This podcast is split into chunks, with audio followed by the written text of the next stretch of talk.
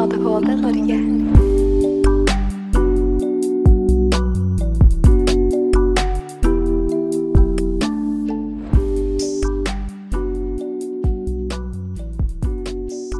Mennesker med ADHD er sårbare for avhengighet. Det å være avhengig av noe er ofte skambelagt, og det kan være vanskelig å be om hjelp. Og det er ikke alltid at de som skal hjelpe, har den nødvendige kunnskapen. ADHD Norge har med støtte fra stiftelsen DAM laget en intervjuserie hvor vi belyser ADHD og avhengighet. Og vi ser nærmere på mat, rus og spillavhengighet. Rolf Brumoen, du er klinisk sosionom ved Blå Kors sin poliklinikk. Er spillavhengighet et nytt fenomen?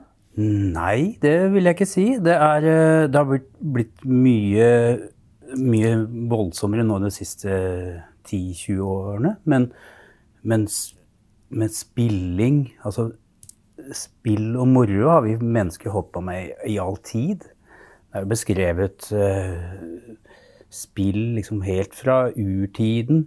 Uh, jeg leste at uh, man brukte hælbeinet på, på, sauer til å spikke til, til, terninger. Det er funnet i utgravninger. Så det, det, er noe som har fascinert oss mennesker til, til all tid.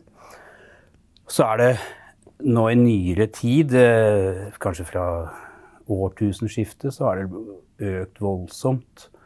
Og, og de siste ti årene så er det jo en voldsom utbredelse på nett. Altså, så nå har du spill tilgjengelig hele tiden. Du har spill tilgjengelig på telefonen. Så det er omtrent som en om, hvis, skulle, hvis, folk som sliter med alkohol, da hvis, øh, Og de folka skulle gå med en lommelerke inne på lomma hele tiden For en som har slitt med spillavhengighet, er det, det er det som om han går med den lommelerka inne på lomma. Det er liksom bare ett trykk unna et, uh, å spille.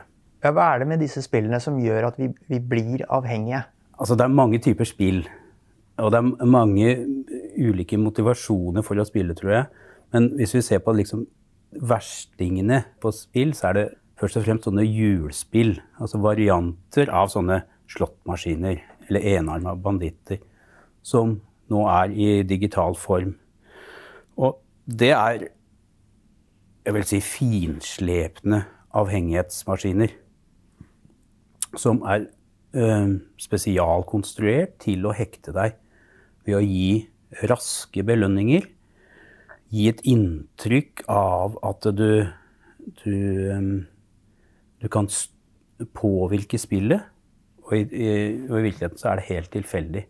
Men, men det er kanskje særlig dette her med Hjernen vår er laget sånn at den vil ha rask stimuli. Og, og, og, når vi gjør noe, når vi mennesker gjør noe som er godt, så, vi, så utskilles det dopamin i store mengder. Og det er laget sånt for oss mennesker, tenker jeg, for at det er, det er lurt for oss som art at det, når vi gjør gode ting, så det vil vi belønnes for gode ting. Da. Og på spill er det, en, det er liksom ekstrem belønning. Altså vi er alle disponert? Ja, absolutt. Og noen blir ordentlig spillavhengig. Hvorfor det?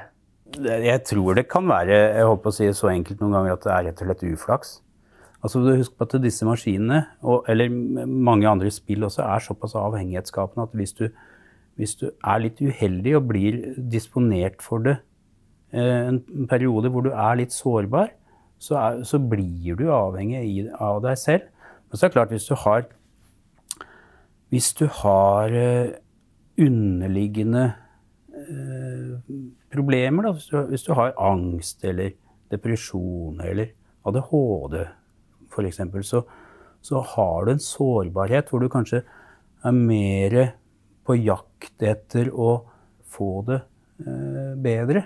Ja, hva vet vi om det å ha ADHD og, og det å være spillavhengig? Vi veit at det, du tar dårligere opp Eller det er vanskelig å forklare, kanskje, men jeg ser for meg at det, dopaminreseptorene det er på cellenivå i hjernen. Så er det sånn eh, Det er sånn en dusj, ser jeg for meg. Ser jeg for meg en sånn hånddusj som, som spruter ut til et mottakercelle. Når vi gjør noe som er godt, så skjer dette her i hjernen på cellenivå. Og eh, folk som sliter med ADHD, de, har, de tar dårligere opp dette dopaminet. Eh, sånn at de går og er litt mer understimulert hele tiden. Og dermed så, så kjenner de på en sånn en eh, et, et, et, ubehag ved å ikke ha, være helt tilfreds. Og dermed så er de kanskje mer på jakt etter ting som er eh, Som har sterkere stimuli, da. Og da, hvis de da eh, blir eh, utsatt for spill, holdt jeg på å si, eller så så merker de at åh, her er det noe, her, dette er kraftige doser. Når er det man merker at spillingen er, er et problem og, og, blir til en avhengighet? da? Ja, det er kanskje to sånne gode spørsmål som eh, Det er en sånn veldig sånn rask test som heter Libet Questionary. Eh, som var to spørsmål. Og det ene er Hvis du merker at du må spille for mer og mer for å, for å få samme liksom eh, virkning. Samme eh, stimuli. Hvis du svarer ja på det, og så at du eh, Du lyver om hvor mye du spiller for. Hvis du svarer ja på de to spørsmålene der, så er det mulig at du har eh, en spilleavhengighet. Hvor utbredt er spillavhengighet? Ja, nå kom det en ny befolkningsundersøkelse fra Universitetet i Bergen nå i vår som viser at uh, ca. 55 000 nordmenn er uh, går inn i kategorien problemspillere. Og så er det en, uh, en 122 000 som er eh, moderat eh, risikospillere. Så hvis vi legger sammen det, så er vi oppe i nesten 180 000 eh, personer. Og det er vel blir litt over 3% av Norges befolkning som enten er i den moderat risiko- eller problemspillergruppa. Og hvis vi Vi vet jo også at hver, bak hver av de spillerne så er det kanskje opptil tre til fem Eh, personer som er pårørende. Og da, da, begynner det å bli et stort problem. Ja, hvordan påvirker dette familie og de nære, de som står rundt? Jeg er familieterapeut, og, og de fleste par- og familiesamtalene vi har på Blå Kors poliklinikk Oslo, er folk som sliter med spill. Og da er det tillit, tillitsproblemet som er liksom det store, store problemet. Altså en, en har spilt i smug over lang tid, og så kommer dette fram. Eh, og så finner man ut at eh, partneren har kanskje to millioner i gjeld som man ikke visste om.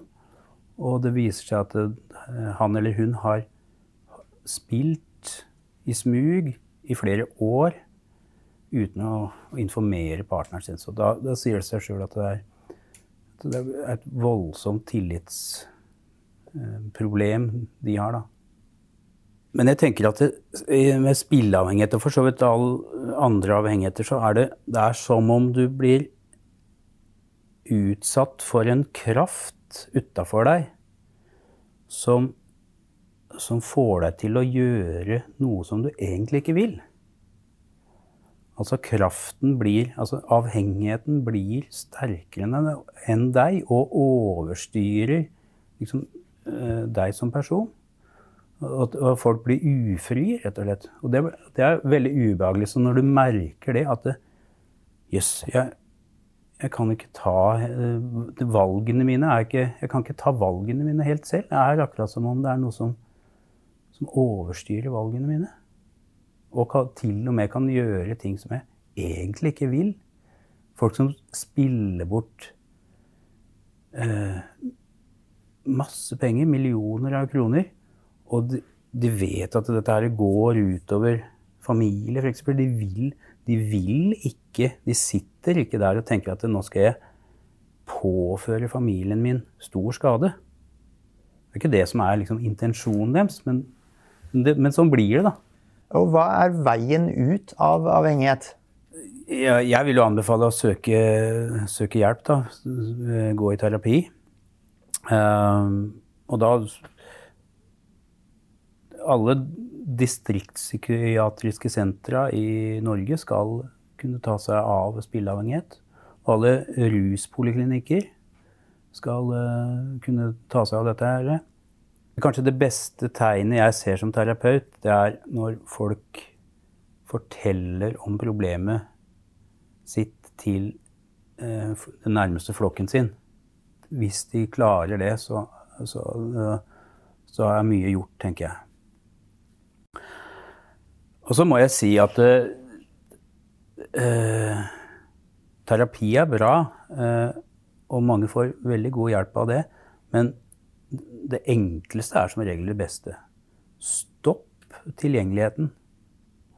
Uh, få noen til å ta over, ta, ta over kontrollen over kodebrikken din.